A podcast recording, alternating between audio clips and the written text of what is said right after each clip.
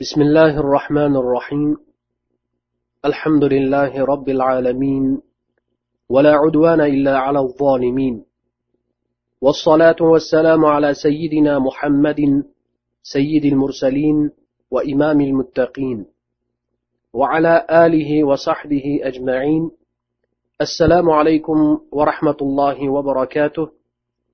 Hurmatli mo'min birodarlar bu shamoili muhammadiyadan bo'layotgan darsimizning o'n oltinchi qismi bo'lib bunda ikkita bob bilan tanishamiz inshaalloh باب ما جاء في تعطر رسول الله صلى الله عليه وسلم وفيه سبعة أحاديث payg'ambar sollallohu alayhi vasallamning xushbo'yliklar ishlatishlarini bayon etuvchi bob bu bobda imom termiziy yettita hadis zikr qiladilar قال حدثنا محمد بن رافع وغير واحد قالوا حدثنا أبو أحمد الزبيري. قال حدثنا شيبان عن عبد الله بن المختار عن موسى بن أنس بن مالك. عن أبيه قال كان لرسول الله صلى الله عليه وسلم سكة يتطيب منها. موسى ابن أنس بن مالك otalaridan ya'ni anas ibn molikdan rivoyat qilib aytadilarki payg'ambar sollallohu alayhi vasallamning atir uchun xos idishlari bo'lib undan o'zlariga surtib olardilar bu hadisdagi sukkatun kalimasini ba'zilar atir idishi emas balki bir biriga qo'shilgan xushbo'y atirlari bor edi deb ham sharhlagan ekanlar قال حدثنا محمد بن بشار قال حدثنا عبد الرحمن بن مهدي قال حدثنا عزرة بن ثابت عن ثمامة بن عبد الله قال كان أنس بن مالك لا يرد الطيبة وقال أنس إن النبي كان لا يرد الطيب. سمامة ابن عبد الله تن روايات قلنا دا aytadilarki anas ibn molik atirni rad qilmas edilar u kishi payg'ambar sollallohu alayhi vasallam atirni rad qilmas edilar der edilar ya'ni birov u zotga atir hadya qilsa darrov uni qabul qilar ekanlar. Chunki atir kishining ruhiyatini ko'tarib undan siqilishlarni ketkazadi. Shuning uchun ba'zi ulamolar ro'za tutgan yosh yigitga atir ishlatishni makruh deb ham e'tiborga oladilar. Sababi u atir yigitni ruhiyatini ko'tarib uning shahvatini qo'zg'ab ayoliga yaqinlik qilishiga olib borishi mumkin. قال حدثنا قتيبة بن سعيد قال حدثنا ابن أبي فديك أو فديك عن عبد الله بن مسلم بن جندب عن أبيه عن ابن عمر قال قال رسول الله صلى الله عليه وسلم ثلاث لا ترد الوسائد والدهن واللبن. ibn umar roziyallohu anhudan rivoyat qilinadi aytadilarki rasululloh sollallohu alayhi vasallam uch narsani qaytarilmaydi. Yostiqni atirni va sutni degan edilar. قال حدثنا محمود بن غيلان قال حدثنا أبو داود الحفري عن سفيان عن الجريري عن أبي نضرة عن رجل هو هو الطوافي عن أبي هريرة قال قال رسول الله صلى الله عليه وسلم طيب الرجال ما ظهر ريحه وخفي لونه وطيب النساء ما ظهر لونه وخفي ريحه abu hurayra roziyallohu anhudan rivoyat qilinadi aytadilar rasululloh sollallohu alayhi vasallam aytgan edilar erkaklarning atirlari hidi anqiydigan rangi esa ko'zga tashlanmaydigan bo'ladi ayollarning atirlari rangi bilinadigan hidsiz bo'ladi sahobai kiromlarning davrlarida atirlar badan a'zolariga surkaladigan bo'lgan edi. Masalan bilak bo'yin baldir va hokazo. Va bu atirlarning xushbo'y hidlari va o'ziga xos rangi ham bo'lar edi. Shu atirlarning ba'zilari surkagan kishining o'zidan boshqalarga ham hidi taralib yetib borsa boshqa turlari esa kishining o'zida qolib boshqa birovlarga anqimaydigan bo'lgan edi.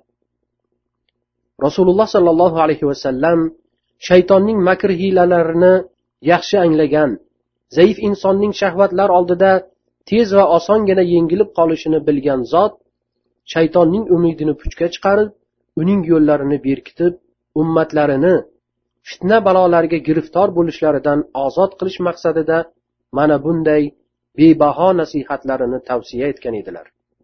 Balki boshqa hadislarda kelishicha men sizlarga ayollardan ko'ra kattaroq fitnani qoldirib ketmayapman. Banu isroilning ilk fitnasi ayol zoti bo'lgan edi degan edilar.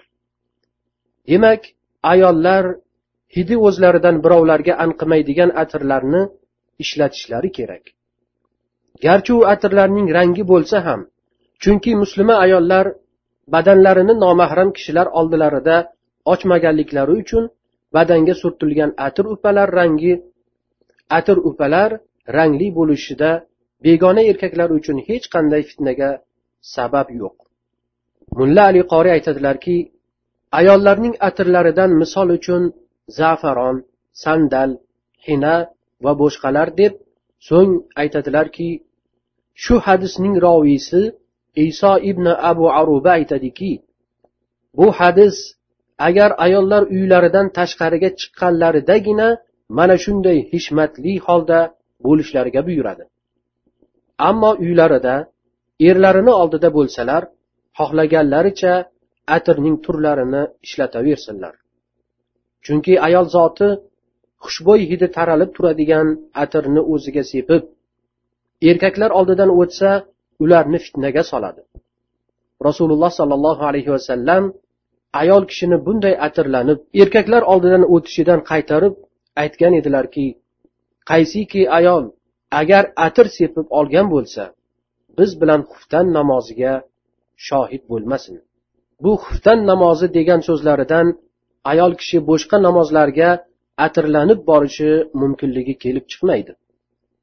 Balki xuftan namoziga kelmasin deyishlaridan maqsad odatda ayollar xuftan va bomdod namoziga kelardilar. Chunki bu vaqtlar qorong'u bo'lganligi sabab fitnaga chalinish holatlari bo'lmas edi.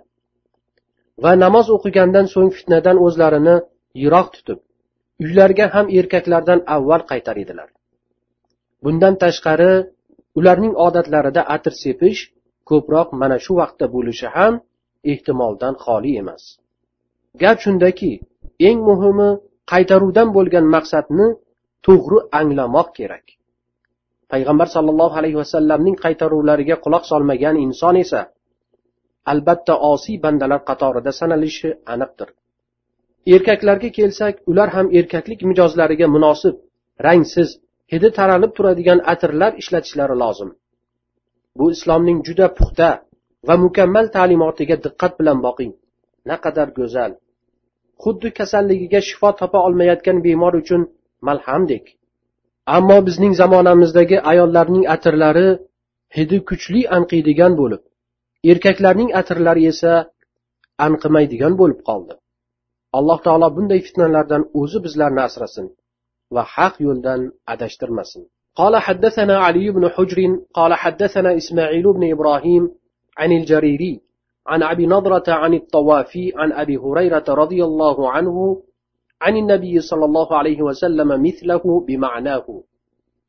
Bu hadis ham abu hurayra roziyallohu anhudan rivoyat qilinib avvalgi hadis bilan bir xil ma'noda. Bundan keyingi hadisga o'tamiz. قال حدثنا محمد بن خليفة وعمرو بن علي قالا حدثنا يزيد بن زريع قال حدثنا حجاج قال حدثنا حجاج الصواف عن حنان عن أبي عثمان النهدي قال قال رسول الله صلى الله عليه وسلم إذا أعطي أحدكم الريحان فلا يرده فإنه خرج من الجنة. أبو عثمان النهدي روايات قلن الشجاء أزاد أيتد رسول الله صلى الله عليه وسلم شندي ددلر أجر برار تنجزجا rayhon berilsa uni qaytarmasin chunki u jannatdan chiqqandir lekin ulamolar bu hadisning isnodini zaif deydilar imom termiziy o'zlari ham bu hadisni jomiylarida rivoyat qilib so'ng bu hadis g'arib degan ekanlar قال حدثنا عمر بن إسماعيل بن مجالد بن سعيد الهمداني قال حدثنا أبي عن بيان عن قيس بن أبي حازم عن جرير بن عبد الله قال عرضت بين يدي عمر بن الخطاب رضي الله عنه فألقى جرير رداءه ومشى في إزار فقال له خذ رداءك. فقال عمر للقوم ما رأيت رجلا أحسن صورة من جرير إلا ما بلغنا من سورة يوسف الصديق عليه السلام. jarir ibn abdullohdan rivoyat qilinadi aytadilar umar roziyallohu anhuning oldilaridan o'tdim. Roviy aytadilarki jarir ridosini yechib izorning o'zida yurib qoldi. Shunda umar roziyallohu anhu qavmga qarab yusuf alayhissalomning jamollaridan keyin jarirdan ko'ra chiroyliroq kishini ko'rmaganman deydilar. Ulamolar bu hadisni juda zaif hadislar qatoriga qo'shadilar. Ammo yusuf alayhissalomning husnlariga kelsak albatta alloh taolo u zotning husn jamollarini qur'oni karimda xabar qilgan. Alloh taolo u zotga odam alayhissalomga ato etgan husnning yarmini bergan. Ma'lumki odam alayhissalom jannatdagi go'zal suratlarida yerga tushib o'sha husn bilan yashab o'tgan edilar. Jannatga kiradigan mo'minlar ham u zotning shakl va husnlarida bo'lishlarini payg'ambar sollallohu alayhi vasallam sahih hadislarda xabar berganlar. Yusuf alayhissalom misr diyorlarida bo'lganlarida hojalarining xotini u zotning husullariga mahliyo bo'lib eriga xiyonat qilishga harakat qiladi. Lekin u zotni alloh taolo bu fitnadan asradi. Keyin uning shahridagi ayollar bu ayolni xiyonatkor deb shov shuvlar tarqatadilar. Shunda u ayol ularni uyiga chaqirib har birlariga pichoq berib yusuf alayhissalomni ularning oldilariga chiqaradi. Ular uni ko'rgan zahotiyoq uning jamoliga maftun bo'lib qo'llarini to'rg'ab yuborganlarini sezmaydilar. Va bu odam farzandi emas balki farishtadir deydilar. Yusuf alayhissalom o'n ikki og'a ini bo'lishib hammalari nihoyat darajada go'zal qaddi qomatlari kelishgan edilar. Ibn kasir rahimaulloh aytadilarki yaqub alayhissalom farzandlarini misrga jo'natmoqchi bo'lganlarida ularga har biringiz hokimning huzuriga alohida eshikdan kiringlar deb nasihat qiladilar. Bu nasihatlaridan maqsad ularni ko'zdan asrash bo'lgan edi. Ya'ni ko'z tegishidan saqlash edi.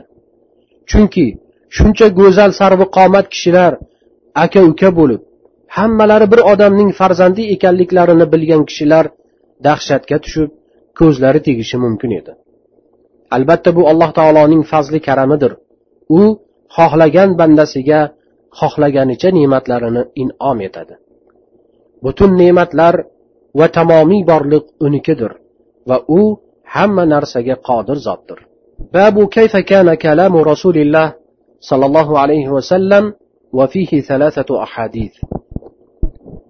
Payg'ambar sollallohu alayhi vasallamning so'zlash sifatlarini bayon etuvchi bob. Imom termiziy bu bobda uchta hadis rivoyat qiladilar. قال حدثنا حميد بن مسعدة البصري قال حدثنا حميد بن الأسود عن أسامة بن زيد عن الزهري عن عروة عن عائشة رضي الله تعالى عنها قالت ما كان رسول الله صلى الله عليه وسلم يسرد سردكم هذا ولكنه كان يتكلم بكلام بين فصل يحفظه من جلس إليه. Oysha roziyallohu anhodan rivoyat qilinishicha u zot aytadilarki rasululloh sollallohu alayhi vasallam sizlardek paydarpay so'zlamas edilar. Balki u zotning so'zlari ravshan aniq va bir biriga qo'shilib ketmas edi. So'zlariga quloq solgan kishi darhol uni yodlab olardi. Ulamolar bu hadisning isnodi sahih deydilar. Balki imom buxoriy va imom muslimlar ham sahihlarida shu hadisni boshqa roviylar orqali rivoyat qilgan ekanlar. قال حدثنا محمد بن يحيى قال حدثنا أبو قتيبة مسلم بن قتيبة عن عبد الله بن المثنى عن ثمامة عن أنس بن مالك قال كان رسول الله صلى الله عليه وسلم يعيد الكلمة ثلاثا لتعطل عنه أنس بن مالك roziyallohu anhudan rivoyat qilinadi. Aytadilarki rasululloh sollallohu alayhi vasallamning so'zlari tushunarli bo'lishi uchun bir so'zni uch bor takrorlar edilar. Bu hadisning isnodini ham ulamolar sahih deydilar. Boshqa hadislarda odamlarga ular tushunadigan uslubda gapiringlar. Odamlar olloh va rasulini yolg'onchi qilishlarini xohlaysizlarmi? deb xutba qilguvchilarni har bir kishini fahmiga qarab so'zlashlariga buyurgan edilar قال حدثنا سفيان بن وكيع قال أنبأنا جميع بن عمير بن عبد الرحمن العجلي قال حدثني من بني تميم من ولد أبي هالة زوج خديجة يكنى أبا عبد الله عن ابن لأبي هالة عن الحسن بن علي رضي الله تعالى عنهما قال سألت خالي هند بن أبي هالة وكان وصافا. قلت صف لي منطق رسول الله صلى الله عليه وسلم. قال كان رسول الله صلى الله عليه وسلم متواسل الأحزان. دائم الفكرة ليست له راحة. طويل السكت لا يتكلم في غير حاجة. يفتتح الكلام ويختمه بأشداقه. ويتكلم بجواعم الكلم. كلامه فصل لا فضول ولا تقصير. ليس بالجاف ولا المهين. يعظم النعمة وإن دقت لا يذم منها شيئا غير أنه لم يكن يذم ذواقا ولا يمدحه ولا تغضبه الدنيا ولا مكان لها. فإذا تعدي الحق لم يكن لغضبه شيء حتى ينتصر له ولا يغضب لنفسه ولا ينتصر لها. إذا أشار أشار بكفه كلها وإذا تعجب قلبها وإذا اتصل بها وضرب براحته اليمنى بطن إبهامه اليسرى وإذا غضب أعرض وأشاح وإذا فرح غض طرفه جل ضحكه التبسم يفتر عن مثل حب الغمام حسن بن علي رضي الله عنه دن روايات قلنادي aytadilar tog'am hind ibn abi holadan so'radim u zot payg'ambar sollallohu alayhi vasallamning sifatlarini ko'p ta'riflar edilar aytdimki menga rasululloh sollallohu alayhi vasallamning sifatlaridan aytib bersangiz u zot aytdilarki payg'ambar sollallohu alayhi vasallam mudom mahzun uzoq fikrga cho'mgan rohat farog'lari yo'q uzoq sukut qilgan hojatsiz so'zlamas gapni labning o'zi bilan emas balki butkul og'iz bilan so'zlar edilar. Boshqa rivoyatda esa allohning ismi bilan so'zlarini boshlab uning ismi bilan yakunlar edilar deb kelgan ekan. Va gapirsalar lafzlari oz va sermazmun bo'lar edi. So'zlari g'oyatda ravshan va hojatdan ortiq kalima ham yo'q va na kamchilik bo'lardi. U zot birovlarga jafoni ravo ko'rmas o'zlarini ham xorlikka solmas edilar. Ne'matni qadrlar garchi oz bo'lsa ham va u ne'matlardan birontasini ayblamas edilar.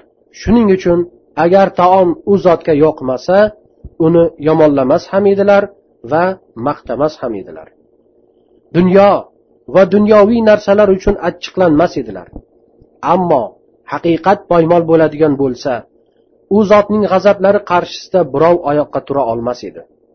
Shaxsiy manfaatlari uchun birovdan o'ch olmagan edilar. Agar ishora qilsalar komil kaftlari bilan ishora qilar. Agar ajablansalar kaftlarining ichini tepaga qilardilar. Agar so'zlasalar kaftlarini ham harakatga tushirardilar. Goho o'ng qo'llarining kaftini chap qo'lning bosh barmog'iga qo'yar edilar.